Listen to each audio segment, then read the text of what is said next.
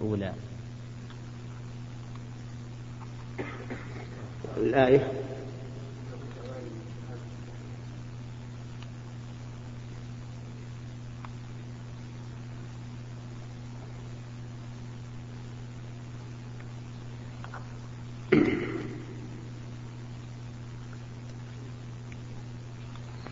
الحمد لله رب العالمين وأصلي وأسلم على نبينا محمد خاتم النبيين وإمام المتقين وعلى آله وأصحابه ومن تبعهم بإحسان إلى يوم الدين. أما بعد فهذا هو اللقاء التسعون بعد المئة من اللقاءات التي يعبر عنها بباب بلقاء الباب المفتوح التي تتم كل يوم خميس. وهذا الخميس هو اليوم الثاني من شهر رجب عام تسعة عشر وأربعمائة وألف. نبتدئ هذا اللقاء بما أعتدناه من, من الكلام على آيات من كتاب الله عز وجل. ابتدأنا بسورة الرحمن علم القرآن حتى انتهينا إلى قوله تعالى وله الجوار المنشآت في البحر كالأعلام وله أي لله عز وجل ملكا وتدبيرا وتيسيرا. الجواري بحذف الياء للتخفيف وأصلها الجواري جمع جارية وهي السفينة تجري في البحر. كما قال الله عز وجل ألم ترى أن الفلك تجري في البحر بنعمة الله؟ المنشآت أي التي أنشأها صانعوها ليسيروا عليها في البحر. وقوله في البحر متعلق بالجوار أي الجوار في البحر. وليست فيما يظهر متعلقة بالمنشآت يعني الجواري التي تنشأ في البحر. لأن السفن تصنع في البر أولا ثم تنزل في البحر. وقولك كالأعلام تشبيه والأعلام جمع علم وهو الجبل. كما قال الشاعر كأنه علم في رأسه نار. أول البيت وإن صخرا لتأتم الهداة به كأنه علم في رأسه نار أي كأنه إيش؟ جبل. ومن شاهد السفن في البحار رأى أن هذا التشبيه منطبق تماما عليها فهي كالجبال تسير في البحر بأمر الله عز وجل. وإنما نص الله عليها لأنها تحمل الأرزاق من جانب إلى جانب ولولا أن الله تعالى يسرها لكان في ذلك فوات خير كثير للبلاد التي تنقل منها والبلاد التي تنقل إليها. في هذا العصر جعل الله تبارك وتعالى جواري أخرى لكنها تجري في الجو كما تجري هذه في البحر وهي الطائرات. فهي من فهي منة من الله عز وجل كمنته على عباده في جوار البحار. بل ربما نقول إن السيارات أيضا من جوار البر فتكون الجوار ثلاثة أصناف بحرية وبرية وجوية وكلها من نعم الله عز وجل. ولهذا قال فبأي آلاء ربكما تكذبان؟ أي بأي نعمة من نعم الله تكذبان والخطاب للإنس والجن. ثم قال عز وجل كل من عليها فان ويبقى وجه ربك ذو الجلال والإكرام. كل من عليها أي على الأرض فاني أي ذاهب من الجن والإنس والحيوان والأشجار. قال الله تبارك وتعالى إنا جعلنا ما على الأرض زينة لها لنبلوهم أيهم أحسن عملا وإنا لجاعلون ما عليها صعيدا جرزا أي خاليا. وقال الله تعالى ويسألونك عن الجبال فقل ينسفها ربي نسفا فيذرها قاعا صفصفا أي يذر الأرض قاعا صفصفا أو يذر الجبال بعد أن كانت عالية شامخة قاعا كالقيعان مساوية لغيرها صفصفا لا ترى فيها عوجا ولا أمتا. ويبقى وجه ربك ذو الجلال والإكرام أي يبقى الله عز وجل ذو الوجه الكريم.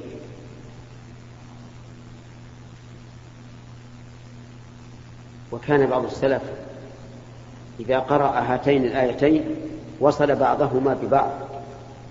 قال ليتبين بذلك كمال الخالق ونقص المخلوق لأن المخلوق فاني والرب باقي وهذه ملاحظة جيدة أن تصل فتقول كل من عليها فان ويبقى وجه ربك ذو الجلال والإكرام. وهذا هو محط الحمد والثناء على الله عز وجل أن يفنى تفنى الخلائق إلا الله عز وجل. وقوله تعالى ويبقى وجه ربك ذو الجلال والإكرام فيه إثبات الوجه لله سبحانه وتعالى ولكنه وجه لا يشبه أوجه المخلوقين.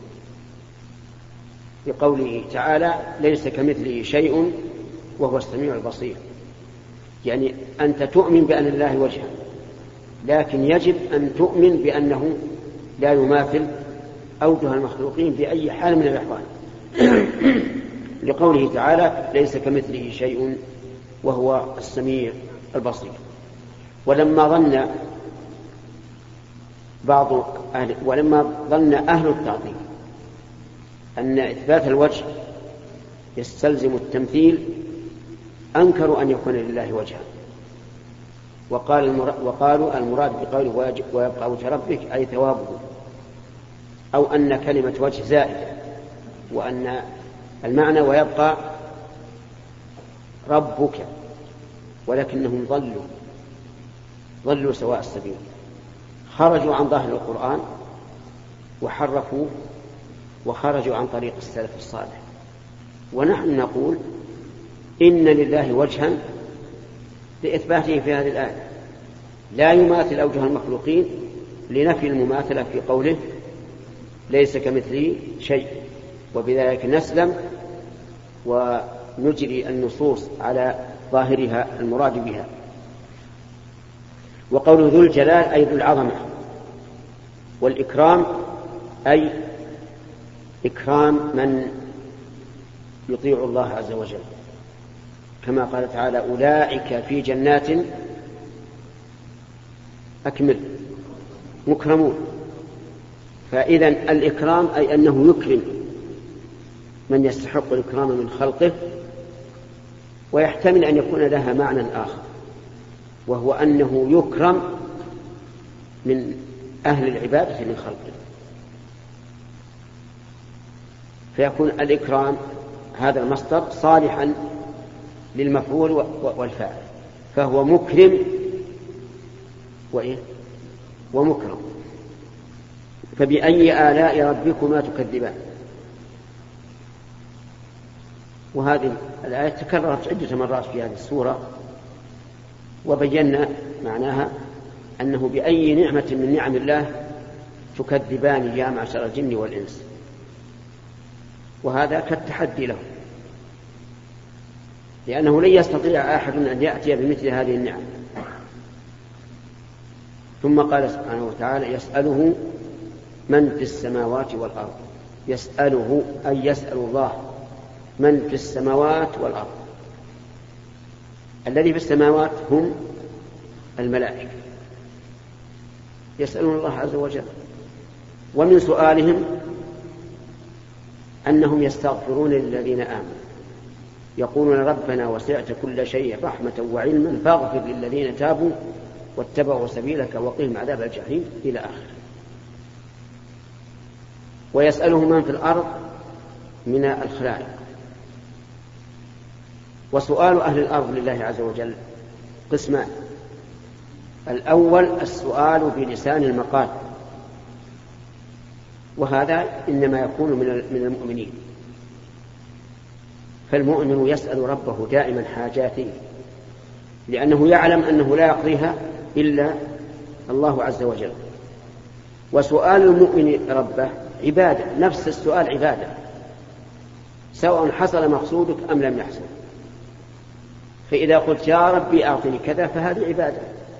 كما جاء في الحديث الدعاء عبادة.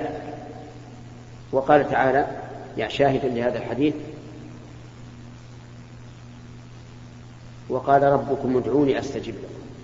إن الذين يستكبرون عن عبادتي سيدخلون جهنم داخلين. فقال ادعوني ثم قال إن الذين يستكبرون عن عبادتي وهذا دليل على أن الدعاء عبادة. هذا دعاء بلسان المقال. النوع الثاني دعاء بلسان الحال وهو أن كل مخلوق مفتقر الله. ينظر إلى رحمته. فالكفار مثلا ينظرون إلى الغيث النازل من السماء وإلى نبات الأرض وإلى صحة الحيوان وإلى كثرة الأرزاق. وهم يعلمون أنهم لا يستطيعون أن يوجدوا ذلك بأنفسهم فهم إذن يسألون الله بلسان بلسان الحال.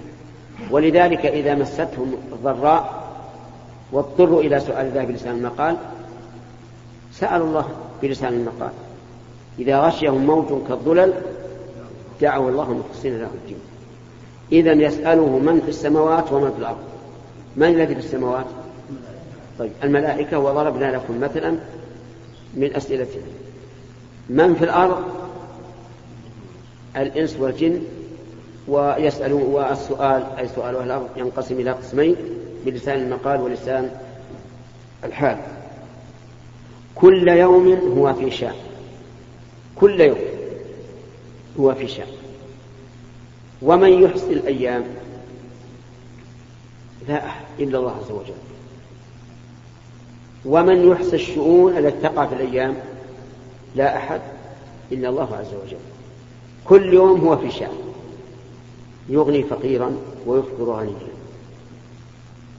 يمرض صحيحا ويشفي سقيما.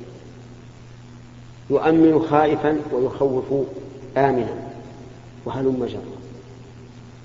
كل يوم يفعل الله تعالى ذلك. وهل هذه الشؤون التي تتبدل هل هي عبث أو عن حكمة؟ الأول ولا الثاني؟ الثاني عن حكمة لا شك. قال الله تعالى أفحسبتم أنما خلقناكم عبثا وقال تعالى أيحسب الإنسان أن يترك سدى؟ فنحن نؤمن أن الله لا يقدر قدرا إلا لحكمة. لكن قد نعلم هذه الحكمة وقد وقد لا نعلم. ولهذا قال كل يوم هو في شأن. ولكن اعلم أيها المؤمن أن الله تعالى لا يقدر لك قدرا إلا كان خيرا لك. إن أصابتك الضراء ما موقفك يا أخ؟ إذا أصابتك الضراء. ها؟ الصبر؟ طيب. إن أصابته ضرة صبر وانتظر الفرج وقال دوام الحال من المحال. فينتظر الفرج فيكون خيرا له. وإن أصابته سراء شكر فكان خيرا له. وليس هذا لشيء لأحد إلا للمؤمن. فبأي آلاء ربكما تكذبان؟ نقول فيها ما ما قلنا في الآيات السابقة أن المعنى بأي نعمة من نعم الله تكذبان. الجواب؟ وش الجواب؟ لا نكذب ولا نكذب. لا نكذب بشيء من آيات الله من نعم الله بل نقول هي من عند الله فله الحمد وله الشكر. من نسب النعمة إلى غير الله. فهو مكذب. نعم مكذب. وإن لم يقل إنه مكذب. قال الله تعالى وتجعلون رزقكم أنكم تكذبون. وهذه الآية يعني يعنى بها قولهم مطرنا بنوع كذا وكذا.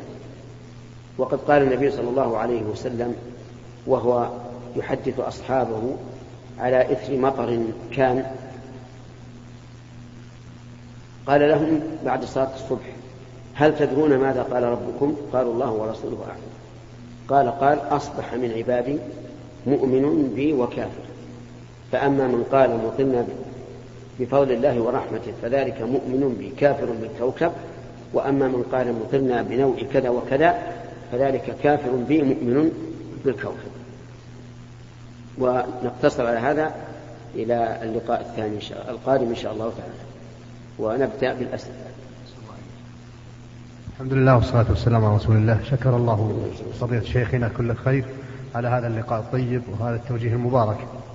أحب أسأل فضيلة الشيخ بما أن في أوائل شهر رجب عن العمرة في رجب وهل لها أصل في السنة؟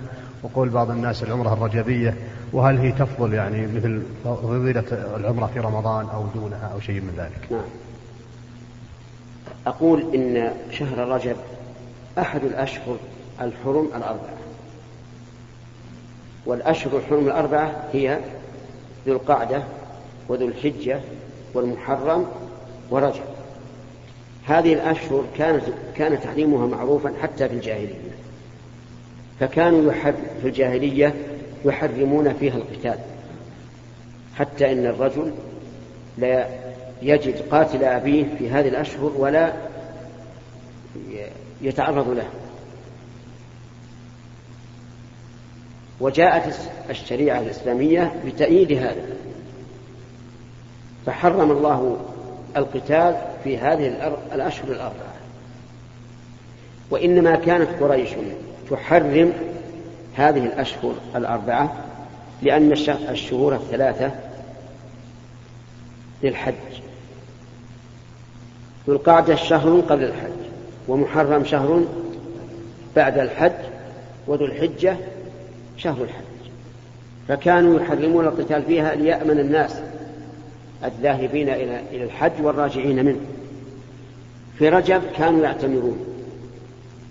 كانوا يعتمرون ذلك في رجب. ولذلك حرموا. لكن لم تأتي السنة استحباب الاعتمار في رجب. بل قال عمر رضي الله عنه إن ذلك كان شهر يعتمر فيه أهل الجاهلية فأبطله الإسلام. يعني أبطل استحباب العمرة فيه. ومن السلف من كان يعتمر فيه. حتى قال عبد الله بن عمر إن النبي صلى الله عليه وسلم اعتمر في شهر رجب. ولكن عائشة رضي الله عنها قال إن إنك وهمت. وقالت إن الرسول عليه الصلاة والسلام لم يعتمر إلا في أشهر الحج. اعتمر في أشهر الحج كم مرة؟ أربع أربع عمر. عمرة الحديبية وعمرة القضاء وعمرة الجعرانة وعمرة حجه. فسكت عبد الله بن عمر. وعلى هذا فنقول إن ابن عمر رضي الله عنه وهم في كون الرسول عليه الصلاة والسلام يعتمر في في رجل. لكن روي عن بعض السلف أنهم يعتمرون فيها فمن اعتمر دون أن يعتقد أن ذلك سنة فلا بأس. وأما أن نقول إنها من السنن التابعة للشهر فلا. ولم ترد العمرة في شهر من الشهور إلا في أشهر الحج وفي شهر رمضان. وبهذه المناسبة أود أن أقول للأخ السائل هناك من يخص رجب بالصيام. فيصوم رجب كله وهذا بدعة وليس بسنة حتى إن أبا بكر الصديق رضي الله عنه دخل على أهله فوجدهم قد جمعوا كيزانا للماء مستعدين للصيام في رجب. فكسر الكيزان وقال أتريدون أن تشبهوا رجب برمضان؟ وكان ابن عمر وكان عمر بن الخطاب رضي الله عنه يضرب الناس إذا رآهم صائمين حتى يضع أيديهم في الطعام في رجب. فليس للصوم في رجب فضيلة بل هو كسائر الشهور.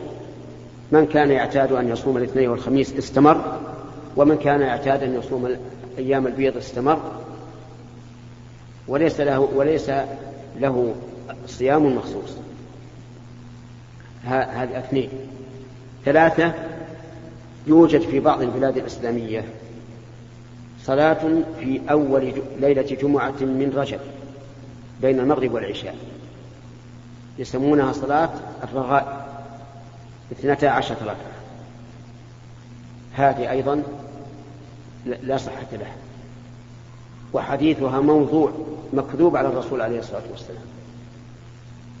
قال قال الشيخ الإسلام إنه موضوع مكذوب باتفاق أهل المعرفة بالحديث. إذن لا صلاة مخصوصة في رجب. لا في أول جمعة منه لا في أول ليلة جمعة منه ولا في ليلة النصف منه. رجب في الصلوات كغيره من من الشهور. رابعا آه، زيارة المسجد النبوي. في هذا الرابع ولا زيارة المسجد النبوي. يعتقد بعض الناس أن لزيارة المسجد النبوي في رجب مزية ويفدون إليه من كل جانب ويسمون هذه الزيارة الزيارة الرجبية وهذه أيضا بدعة. لا أصل لها ولم يتكلم فيها السابقون. حتى من بعد القرون الثلاثة ما تكلموا فيها لأن الظاهر أنها حدثت متأخرة جدا. فهي بدعة. لكن من زار المدينة في رجب لا لأنه شهر رجب فلا حرج عليه إنما أن يعتقد أن للزيارة في رجب زيارة المسجد النبوي في رجب مزية فقد أخطأ وظل وهو من أهل البدع في هذه المسألة. خامسا يعتقد كثير من, من الناس اقلب أن المعراج الذي حصل لرسول الله صلى الله عليه وعلى آله وسلم إلى السماوات كان في رجب في ليلة 27 منه وهذا غلط. هم يعتقدون أنه في ليلة 27 ويحتفلون في تلك الليلة.